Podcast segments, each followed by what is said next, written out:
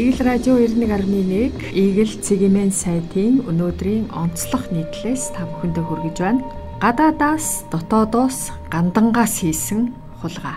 Монголчууд худлаа хэлэх, хулгай хийхийг цээрэлдэг. Хүүхдүүдээ багаас нь л худлаа хэлж, хулгай хийж болохгүй гэж сургаж, хулгай хар мөртөө гэж ярьцгаадаг. Гэтэл одоо бүх төвшөнд хулгай нүрлэж баруун солгоогүй шуудаг боллоо хулгайг 10 хар нүглийн нэг гэж үздэг.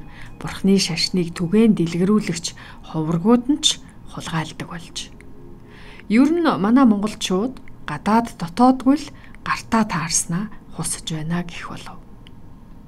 Манай улс бүгд найрамдах хятад ард улсын засаг захиргааны онцгой бүс Макаот иргэний ба арилжааны хэргийн талаар эрх зүйн болон шүүхийн харилцан тусалцаа үзүүлэх тухай хилцээр байгуулахаар улсын их хурлаараа хэлэлцэж байна. Бүгд найрамдах хятад ард улстай 1989 онд иргэн эрүүгийн хэрэгт эрх зүйн харилцан тусалцаа үзүүлэх тухай гэрээ байгуулсан байдаг бөгөөд энэхүү гэрээ нь Макаод үйлчилдэг юм байна. Өнөөдрийн байдлаар Монгол улсын 5 иргэн Макаод ял эдэлж байгаа гэдгийг хууль зүйн дотоод хэргийн яамны төрийн нарийн бичгийн дарга мэдээлсэн.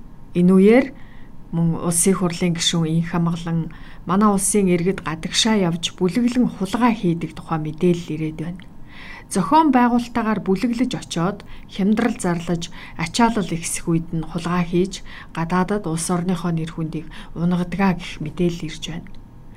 Үнэхээр ийм хүмүүс байдаг бол гадагшаа явахыг нь хязгаарлахгүй бол энэ хідэн хүний асуудал биш нийт монголчуудын Монгол улсын нэр хүндийн асуудал хөндөгдөж байна гэдгийг улсын хурлын гишүүн инх хамглан мэдгдсэн.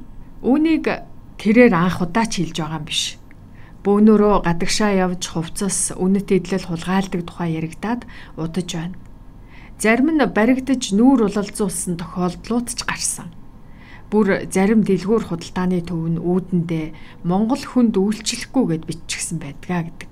Ийхүү зарим нь гадагшаа гарч хулгай хийж байгаа бол зарим нь дотооддоо ажиллаж байгаа салбар бүрээсээ хулгай хийх боллоо.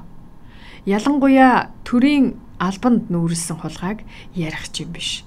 Нэг даргын герт нэгжлэг хийхэд хідэн тэр бум төгрөг гараад ирж байна. Манай улсад хулгайчгүй салбар гэж үлдсэнгүй. Хулгайгаас хамгийн хол байх гэж боддог. Дотор нь хулгайч байна гэж төсөөлөөгүй гандан төртөл хулгай гарлаа. Гандан тэгчлэн хийдийн санхүүгийн албаны бичээч лам сүсэгтэн олны ном уншуулахаар тушаасан 35.2 сая төгрөгийг хувьдаа завшсан хэрэг гарсан байна. Үүнээс цааш газар үгүй гэдэг шиг манай улсад хулгайчгүй салбар нэг ч үлдээгүй болтой. Игэл радио 91.1 Игэл цэгийн сайтын онцлог нийтлэлийг хүргэлээ.